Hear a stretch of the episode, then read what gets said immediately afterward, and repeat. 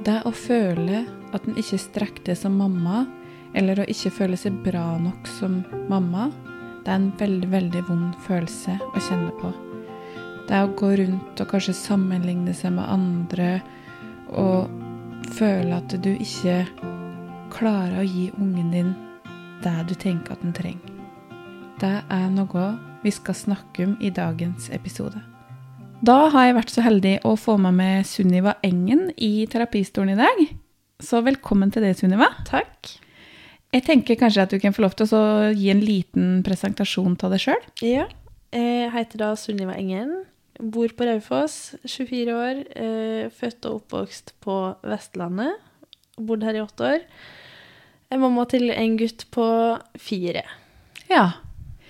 Og det er jo dette der med rundt mammarollen at det er du, som jeg og du skal prate om i dag. Ja. For du kom jo til meg, har gått i terapi som meg, Mm. eh, og da jobbes en del med dette med mammarollen. Vil du si litt om det? Ja. Eh, jeg har alltid hatt en tendens til å sammenligne meg med andre, og dermed ikke føle meg god nok eh, som mamma. Eh, så det har vi jo jobba en del med, da. Mm.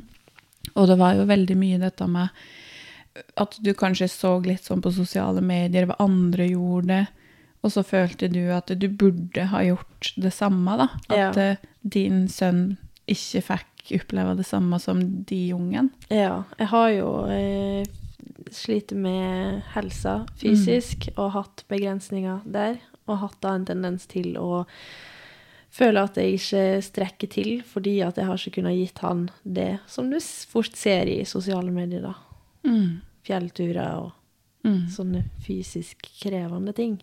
Ja. Og så jobber jeg jo mye med en øvelse som heter møtebordet. Og det er jo en øvelse i det å lære seg å snakke snillere til seg sjøl. Mm. For du var jo absolutt ikke snill med deg sjøl. Nei, det var ikke jeg. Det var eh, Måten jeg prata til meg sjøl på, er jo Jeg vil jo aldri prate sånn til andre. Nei. Nei. Så det har jo gjort masse, den øvelsen. Selv om jeg ikke hadde helt trua i starten. Men det snudde jo. ja. Det gjorde jo det. Det gjorde det på et punkt, ja. Ja. Og, og jeg husker jo at det var litt sånn at du, du sa at herregud, nå prater jeg til meg sjøl som jeg gjør til dem jeg er glad i. Mm. Og det har jeg jo ikke gjort på mange år. Mm. Og så var det jo sånn at eh, du hadde jo gått til flere terapeuter Mm. tidligere, og var litt sånn derre Jeg Vet ikke helt om dette her fungerer. Ja. Det var eh, en, en siste sjanse, på en måte. Ja. Jeg tenkte at eh, jeg fikk anbefalt å gå til deg av ei venninne, og tenkte, tenkte lenge på det. Og så fant jeg ut at jeg gir det her et forsøk. Funka ikke det, da gir vi opp, holdt jeg på å si. Ja. Den biten der, da. Mm. Men jeg er jo veldig glad for at jeg ga det en sjanse. Så bra. Mm. Og det er jo jeg glad for òg, Mm. at du valgte å komme med. For det er jo dette her med å Jeg brenner jo veldig for det og dette med selvfølelse og dette å kunne lære å bli glad i seg sjøl igjen, da. Ja. Har du noen formening om hvor på en måte den derre lave selvfølelsen og sånn kom fra? I mitt tilfelle så er jeg ganske sikker på at det kun er mamma som har møtt meg i hermetegn riktig, da, som Mm. liten. I tillegg til at jeg var ganske ung når jeg først begynte å bli sjuk. Eh, og da var det igjen kun mamma som tok meg på alvor. Ja. Så jeg følte Jeg tror det bunna i det at det var ingen som tok følelsene mine seriøst og på alvor. Mm. Eh, og at jeg ikke ble trudd. Og at det på en måte har ja, skada, skada meg underveis, da, på en måte. Mm. Det tror jeg. For det er jo ikke Dette har jo jeg og du prata mye på òg. Dette med I forhold til barndomstraumer, da, Mm. så handler det jo ikke Det må jo ikke nødvendigvis være at uh, en har vært utsatt for vold eller misbruk eller noen seksuelle greier. Det er bare det å ikke bli møtt på følelsene sine, Nødt. eller det å bli møtt med at ja, møtt med betinga kjærlighet. da. Mm. At du må være sånn og sånn, eller at du må gjøre på en spesiell måte for at du skal bli For at de skal vise ja, ros og anerkjennelse og sånne ting. Mm. Ja. Jeg tror det er riktig. Mm. Merka du forskjell på hvordan du møtte sønnen din før du jobba med selvfølelsen, og etterpå? Det har alltid vært veldig viktig for meg å møte han på alle følelser, men jeg har blitt mer bevisst på det nå i ettertid. Ja. Mm. For der vet jeg også at eh, du prata mye negativt om deg sjøl rundt hvordan du møtte sønnen din, men så var det det at jeg kunne gjøre deg bevisst på at du møter den jo på en veldig god måte. Ja. Og så tror jeg òg det handla om at jeg følte at om ikke jeg møtte han riktig i ti av ti tilfeller, Mm. så var ikke det godt nok. Mm. Det skulle aldri Skulle aldri ha et tilfelle der det ikke ble gjort 100 riktig. Nei, og, og der var jo den der indre kritikeren din som sier at du burde gjøre det, du må gjøre det 100 Hvis Ja. ikke er ikke bra nok. Ja. Mm. Og så fortalte jo jeg det at øh, jeg har vært på familietime, Mm. øh, og at de sa at hvis du klarer å møte ungen din Eller altså en tredjedel av tida, så vil du klare å møte ungen din. Mm. Øhm, og du vil klare å møte den på alle behov og alle følelser. Mm. Og en annen tredjedel av tida så vil du ikke klare å møte ungen din, men du har evnen til å reparere ved å f.eks. si unnskyld. Og den siste tredjedelen, da vil du ikke klare å møte ungen din, og du vil ikke klare å reparere og si unnskyld. Og det er jo den tredjedelen som gjør dem robuste nok til å møte verden. ja. Og det var et vendepunkt for Mm. meg når det ble fortalt at det hadde blitt sagt av folk som visste hva de prata om. Da følte jeg at eh, OK, men da er det greit. Og, og det kjente jo jeg på, for jeg òg var nok en litt sånn som kunne tenke at jeg, jeg burde møte dem hele tida, på en måte. da. Ja. Og så følte jeg ikke at jeg klarte det. Så da blir det jo litt sånn følelsen av å mislykkes. Ja. Um, men når jeg fikk den der at eh, ja, men det er greit, at det er bare en tredjedel av tida du vil klare å møte, Mm. men så lenge du klarer å reparere innimellom, da, så er det også den, den, de gangene du ikke klarer det, som gjør at eh, ungen din blir robust. Mm. Nå er det jo kanskje mange som tar lytteren som sitter og lurer på hvordan du møter ungen din, da. Mm. Eh, eller hvordan oss møter ungen vår, og hvordan vi kan møte ungen vår på en god måte. Har du et eksempel der du kjenner at eh, ja, nå klarte jeg det? Og et eksempel der du ikke klarte det? Eh, han er jo fire år, eh, og fireåringene har jo en del sinne og frustrasjon i seg som skal ut. Eh, og det er et eksempel på når jeg føler jeg har møtt han på følelsene, det er hvis han er veldig sint og fra seg, og jeg klarer å sette meg ned med han og gi han nærhet og trygghet og fortelle han at det er greit at han er sint. Det er lov å være sint. Eh, og merker jo òg da at det hjelper. Når han får den bekreftelsen, så roer det seg for han, på en måte. Ja, ikke sant? Og så kanskje det å kunne si, sette ord på for hen at eh, du ble sint nå fordi du følte Ja. du ble urettferdig behandla, eller at du, mamma slo av TV-en før du hadde lyst. Altså Mm. noen sånne ting da, Ja. som gjør at eh, hen også senere lærer seg å sette ord på, på ting. Da. Ja. ja, jeg tror det er viktig. Mm. Jeg har et eksempel til eh, på det å møte, møte han riktig. Eh, og det var en gang han skulle til pappaen sin. Eh, og vi Foreldrene klussa litt med hvilken helg han skulle dit og ikke. Så det ble avklart samme dagen at han skulle dit. Og da fikk ikke han den forutsigbarheten og den forberedelsen på at i helga skal du bort.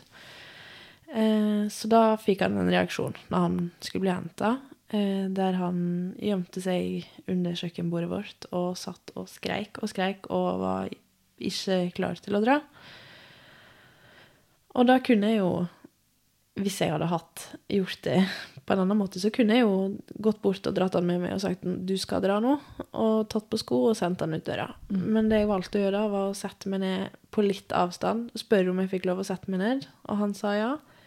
Og så sa jeg at jeg sitter når du er klar for å komme bort og sette deg på fanget, så kan vi prate om det. Og da gikk det to-tre minutter, og så kom han og satte seg på fanget, og hadde da eh, roa seg litt. Det jeg sa til han da, var at det er helt greit at han reagerer, blir sint og lei seg, men at da kan han få litt tid til å sitte på fanget og prate om det. Eh, få litt kos, få litt nærhet, eh, og få den tida han trenger. Før han er klar til å reise. Og det endte jo med at det snudde. Han fikk på en måte Han ble møtt på de følelsene han satt med da, og gikk ut døra blid og fornøyd. Ja, og, og det er jo litt sånn derre I forhold til måten du møtte han på der, så hen var jo en sånn en som trengte den forutsigbarheten, ikke Mm. sant? Og da ga du ga han jo det rommet for Mm. det. Og ikke sant? Du tok den på alvor. Hen fikk en følelse til at å ja, jeg blir hørt på. Mm. Eh, mine behov blir òg møtt. Mm. Og det er jo kjempeviktig. Ja, jeg tenker vi skal, eller bør, eh, se på de problemer og de tinga som utløser sinne og frustrasjon og tårer hos de små, bør vi se på som like alvorlig som om det var en voksen. Ja. At det er like viktig. Mm. Og så er det jo sånn at eh, bak en atferd Mm. så ligger det jo et behov, Mm. og bak det behovet så ligger det en følelse. Mm. Og det vi voksne ofte gjør, da, det er jo å slå ned på atferden. Mm. La oss si at uh, ungen smeller med døra, eller slår og sparker og sånn. Så slås jo ned på atferden. Mm. Og da forteller du jo ungen at behovet ditt vil ikke bli møtt, Mm. Og følelsene dine er ikke riktig. Ja. Følelsene dine er feil. Mm. Så det er litt sånn å kunne se hva som ligger bak atferden. Da. Mm. Hvis den klarer det en tredjedel av tida, Ja. så gjør den det bra, Ja. tenker jeg. Og da er det godt nok. Har du også et eksempel på når du ikke har klart å møte den, eller? Ja. Det, det skjer. Eh, I samme tilfelle, hvis han er sint og fra seg, så hender det jo at jeg, hvis begge er slitne etter en lang dag, så kan jeg jo svare tilbake at kan du være så snill å slutte å være så sur? Kan vi prøve å ha det litt hyggelig her? Mm. Og slappe av. Det hender. At jeg ikke klarer å Ja, at jeg på en måte nesten ber han fjerne den følelsen, da. Ja. Vær så snill å kutte ut. Ja. Ikke vær sånn. Ja. Mm. Og hvordan har du det i etterkant, da? For at, eh, jeg kan jo kjenne meg att i dette der sjøl òg. Mm. At hvis det er noe som sier ved hun minste at eh, åh, nå må du slutte, ikke vær sånn, Mm. så kjenner jeg jo på en sånn derre ah, vond klump. Ja. Du får jo dårlig samvittighet. Mm. Og føl, altså det blir en sånn form for skam, på en måte. Mm. I hvert fall når en er så obs på det, eh, og veit hva det i lengden kan gjøre Mm. med ungene. Hadde det kun vært den måten vi møtte dem på.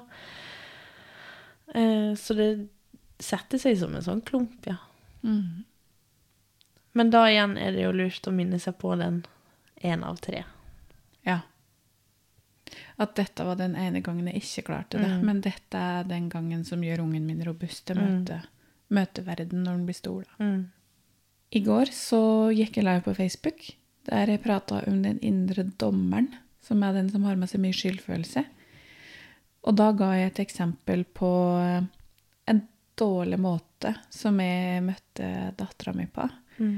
Og der var det at oss satt rundt eh, middagsbordet, og hun satt og bråka og drev med kniven i, eller gaffelen i asjetten. Og jeg var nok litt sånn der stressa og irritert fra før.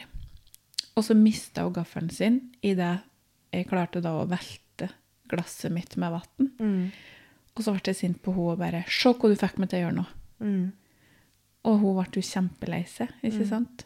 Og sprang opp og begynte å grine. Og da kjente jeg at dette her var ikke riktig. Så jeg gikk opp, eh, gikk opp til henne, og så sa jeg at eh, vet du hva, unnskyld, det var ikke din feil. Det var min skyld at det glasset velta. Og jeg var allerede irritert og hadde masse følelser innvendig. Og det var så urettferdig at jeg lot det gå utover det. Så unnskyld. Mm. Og det, da kjente jeg at det, åh, gud, dette var godt. Nå, da fikk jeg ikke den der dårlige samvittigheten i etterkant, og så gikk ned igjen og fortsatte middagen uten at det var noe mer prat om det. Mm. Men det er jo det er jo dette jeg mener er veldig viktig i møte med barn. Mm. At faktisk også voksne kan vise at de kan si unnskyld. Ja. Og at voksne også gjør feil, Ja. og kan innrømme det. ja. Og at vi òg har de samme følelsene Mm. som det de små sitter med. Mm. At de ser at vi er, vi er mennesker, vi òg, og at voksne har, har det samme. Mm. Det er veldig viktig. Mm. Jeg har jo litt sånn erfaring med at eh, kanskje i hvert fall den eldre generasjonen da, har sine meninger rundt hvordan vi oppdrar ungene våre. Har du, har du noe opplevelse av det? Absolutt. Ja. Jeg føler at i de tilfellene der jeg føler at jeg har møtt sønnen min på riktig måte, og på en god måte, så får jeg tilbakemelding på at jeg er for mild, eller jeg godtar for masse. At hvis han slår seg vrang og har det vanskelig, og ender opp med å skrike alt han kan, så er det mange rundt som mener at det er riktig å da kjefte og sette han på plass. Mm. For at det er ikke grei oppførsel. Det er ikke greit, liksom. Mm. Det å da sette seg ned og prate med han om det han føler på, er, har jeg hørt flere ganger at er feil måte å gjøre det på. At en skal En skal ikke godta den type oppførsel. Nei, for det, det er jo veldig mange av på en måte kanskje litt den eldre generasjonen da, som eh, mener at eh, eh, straff er riktig, Ja. eller at eh, de små skal ha respekt for de voksne. Ja. Du skal slå hardt ned på det. ja. Og jeg tenker Vi kan jo se rundt oss og se hvor mange av oss som sliter med at vi ikke føler oss bra nok. Nettopp fordi vi ikke har blitt møtt på følelsene våre. Mm. Det er jo en pekepinn på at måten det har blitt gjort på før, er feil. Ikke sant? At uh, vår uh, generasjon over oss da, Ja. har jo kanskje vært for autoritære. Ja. Ikke sant? Dette med at du skal være sånn og sånn, du skal være flink og snill og skaffe da, oppfostre da mange både flinke piker og flinke gutter, ikke sant? Ja. Som ikke tør. Ja. Så det er jo en pekepinn nå. ja.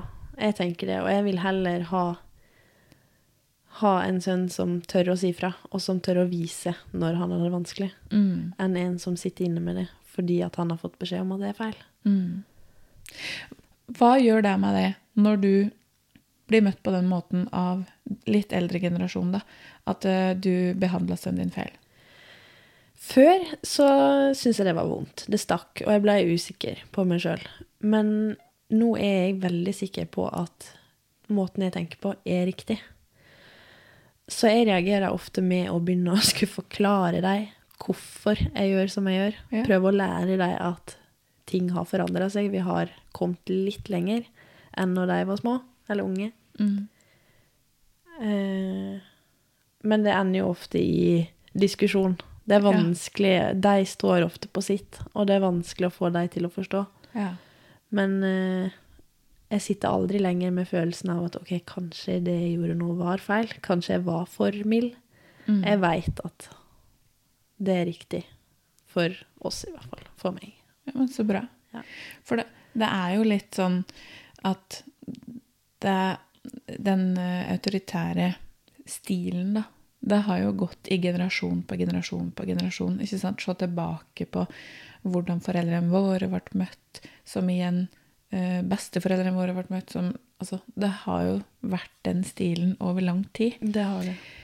Og nå så driver det jo og skjer en endring. Altså, det jobbes jo med en endring nå. Ja, heldigvis. Det er veldig mye framme i media. Det er veldig mye på sosiale medier og sånne ting i forhold til hvordan du skal møte barna dine, at du skal møte dem på følelser og sånne ting. Og det tror jeg er vanskelig for den der eldre generasjon å forstå. Ja, For det er så innlært. Ja, og det har jo vært sånn fra de vokste opp Mm. og frem til ganske nylig. Mm. Så de sitter nok med en tanke om at det de mener det er riktig, og Ja. det har funka. Det er ofte den du hører. Det har gått bra med oss, Ja, det er den du men hører. har det det? Ja, for det er jo litt sånn derre hvis øhm, Hvis en skal da være flink pike eller flink gutt, da, så blir jo det en litt sånn derre En smal vei å gå, Mm. ikke sant? Fordi at du vil jo ikke klare det hele livet ditt. Nei. Og da vil det jo bli en sånn enda en bekreftelse på at ja, du klarte det ikke denne gangen heller. Mm. Ja, nå må du stramme enda hardere inn, må du jobbe enda hardere for å være enda flinkere.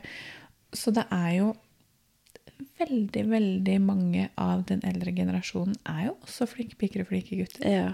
Veldig. Mm.